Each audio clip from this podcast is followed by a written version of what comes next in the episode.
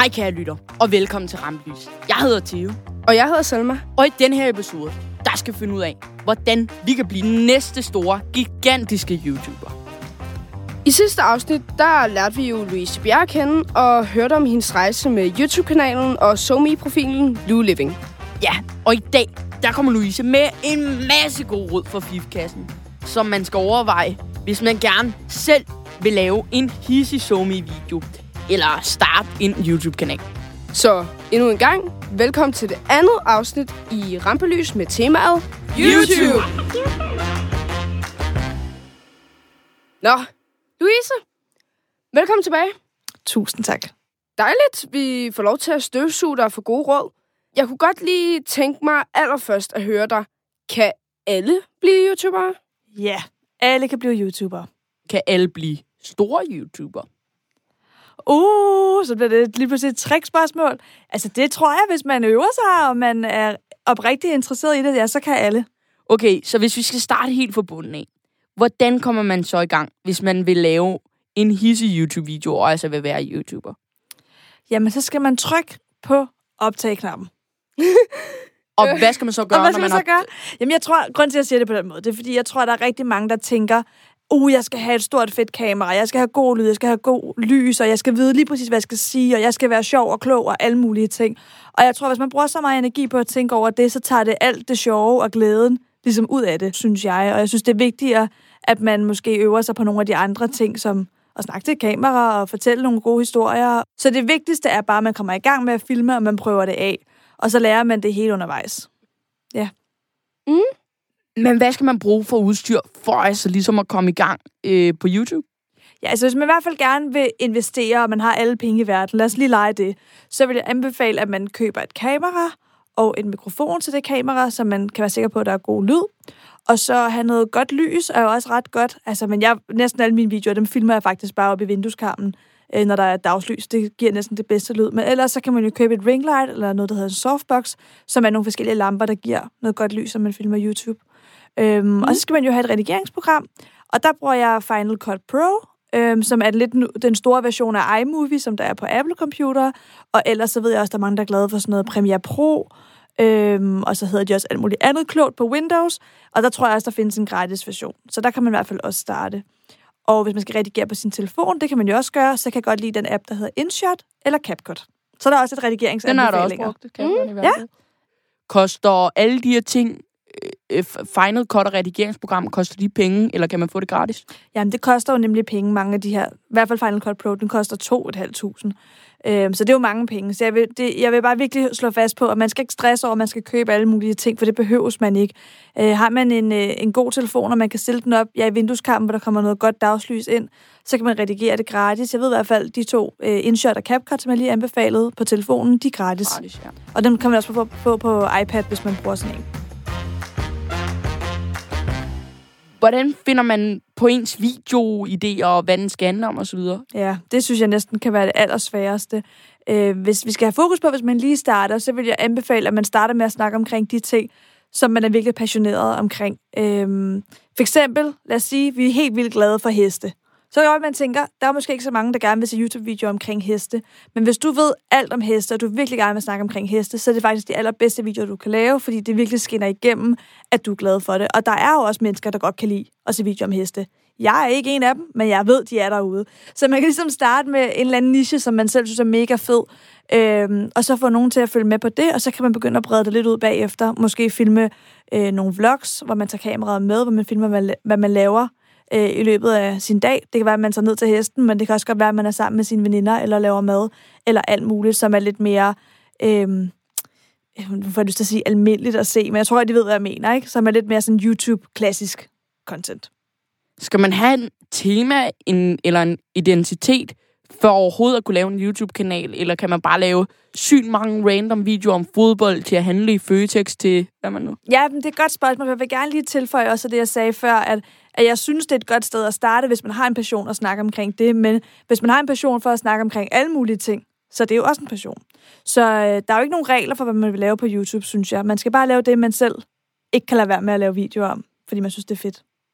Og er det også det, du selv synes, der er fedt, at, ligesom, at der ikke er nogen regler, og der ligesom er frie tøjler, og det er Det er noget, du selv står for det her. Ja, præcis. Og jeg tror også, det er derfor, jeg har kunnet lave videoer i snart 10 år, fordi det, jeg interesserede mig for, dengang jeg var 14-15 år og startede på YouTube, det er jo ikke det, jeg interesserer mig for i dag. Så hvis jeg stadigvæk skulle lave videoer om det samme, så havde jeg ikke lavet videoer i dag. Så det er rigtig fedt, synes jeg, at man selv kan sådan tilpasse alt efter, hvor man er henne i sit liv, og hvad man interesserer sig for. Og det er jo tydeligt at se, at du går fra springet for ligesom at have en identitet, at det her, det skal være beauty og så videre, til at du lige pludselig går over og siger, det behøver ikke at være beauty. Ja.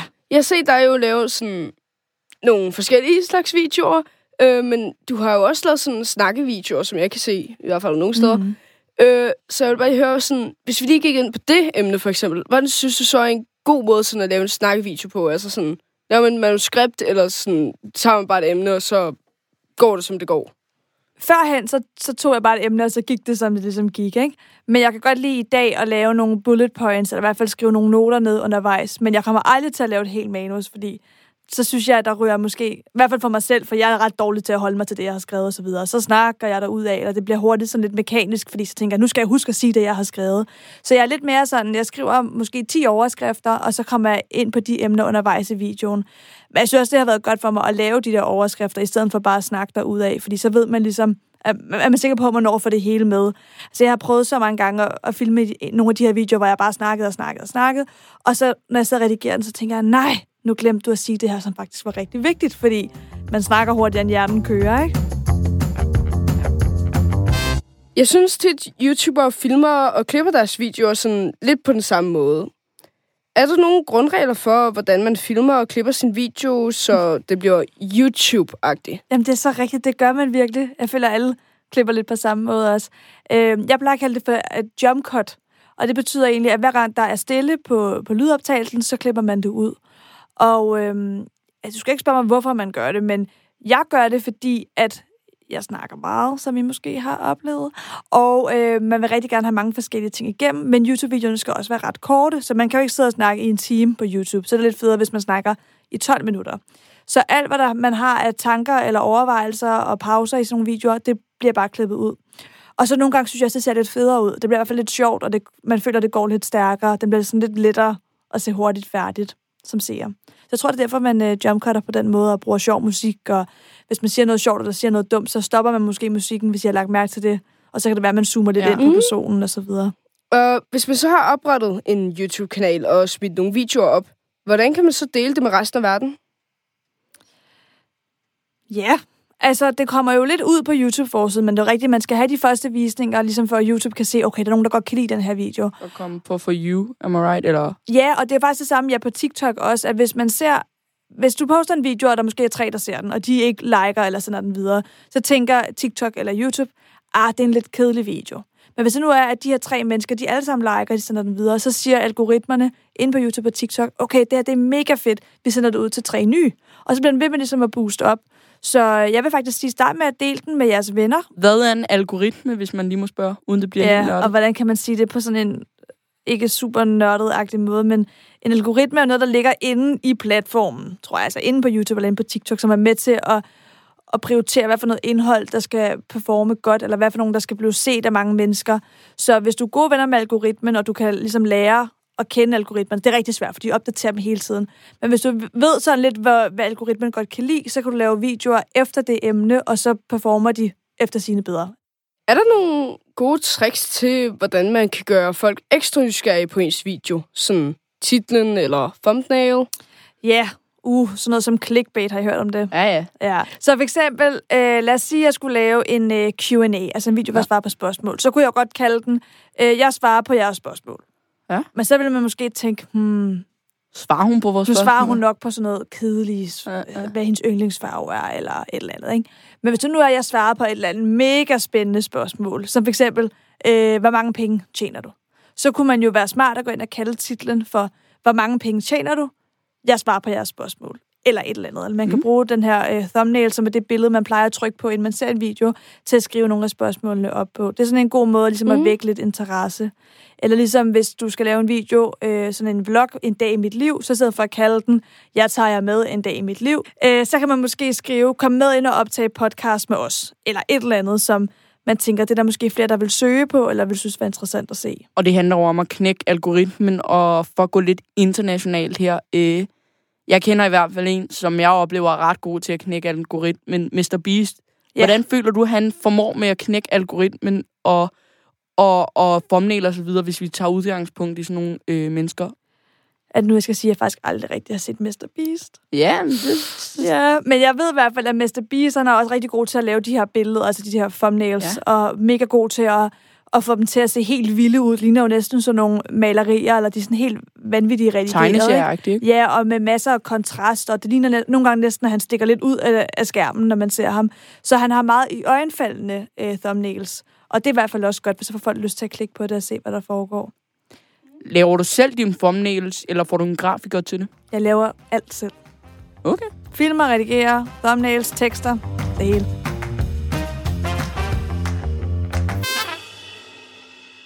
Og hvad så, hvis man er mere interesseret i at blive influencer på Instagram?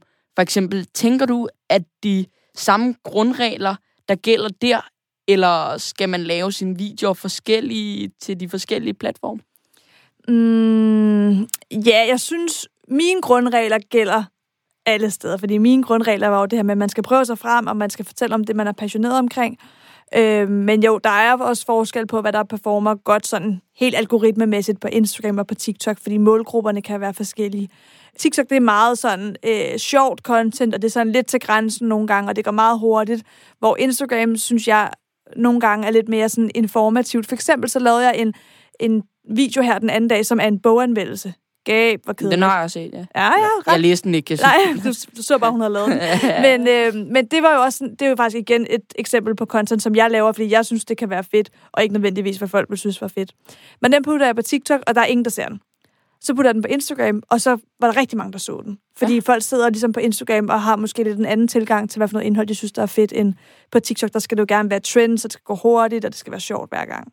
Okay. Så jeg tror, man er måske lidt mere sådan øh, afslappet. Det er jeg i hvert fald selv. Når jeg går på Instagram, så sidder jeg lidt mere, nå, ja, jeg kigger og tager mig god tid. Hvor på TikTok, hvis jeg ikke synes, det er sjovt, så scroller jeg bare, så kommer der en ny sjov video nede under. Her til sidst, Louise. Hvis vi nu skulle give lytterne nogle gode idéer, hvad synes du så, der godt kunne være mere af på YouTube? Hvilken slags YouTuber mangler der? Vi er jo alle sammen meget forskellige på, hvad vi godt kan lide at se af indhold, og måske noget af det, jeg ser, er nok ikke det samme, som det, I nødvendigvis ser. Øhm, jeg kan jo, kan jo faktisk godt lide sådan lidt længere videoer, og måske nogle, hvor folk ligesom deler noget ud af deres øh, liv, eller fortæller Mhm. om ting, de går op i. Det synes jeg kunne være fedt, hvis der kom noget mere af. Mm. Okay. Det her med givet videre til lytterne. Og, Ja, lav de videoer til mig. og hvis du nu skulle opsummere ved at komme med dit allervigtigste og bedste råd, hvad er det så? At man bare skal komme i gang med at filme det. Sådan. Med de ord, så tænker jeg, at der ikke er så meget andet, og vi vil bare sige, at det har været en forrygende fornøjelse. Og der er besøg her i studiet, vi har i hvert fald lært super mange spændende ting. Ej, hvor dejligt. Jeg har også hygget mig så meget, og tusind tak for gode snakke og masser af gode Mm. spørgsmål. og det var mega spændende, og nu skal vi bare hjem og lave nogle fede videoer. Så Mm. tak for nu, Louise, Tak. og have det godt. Tak Held og lykke i fremtiden. Ja, hej! Det her, kære lytter, det var sidste afsnit af denne sæson af Rampelys. Vi håber, du hyggede dig lige så meget, som vi gjorde. Vi er i hvert fald smadret glade for, at du lytter med. Ja, og husk at holde øje på Scenekunst Somi-kanaler, fordi efter sommerferien, så er der meget mere podcast i vente, og tro mig, det vil du ikke gå glip af. Nej, det vil du nemlig ikke. Så nu vil vi for sidste gang i den her sæson sige... Auf Wiedersehen!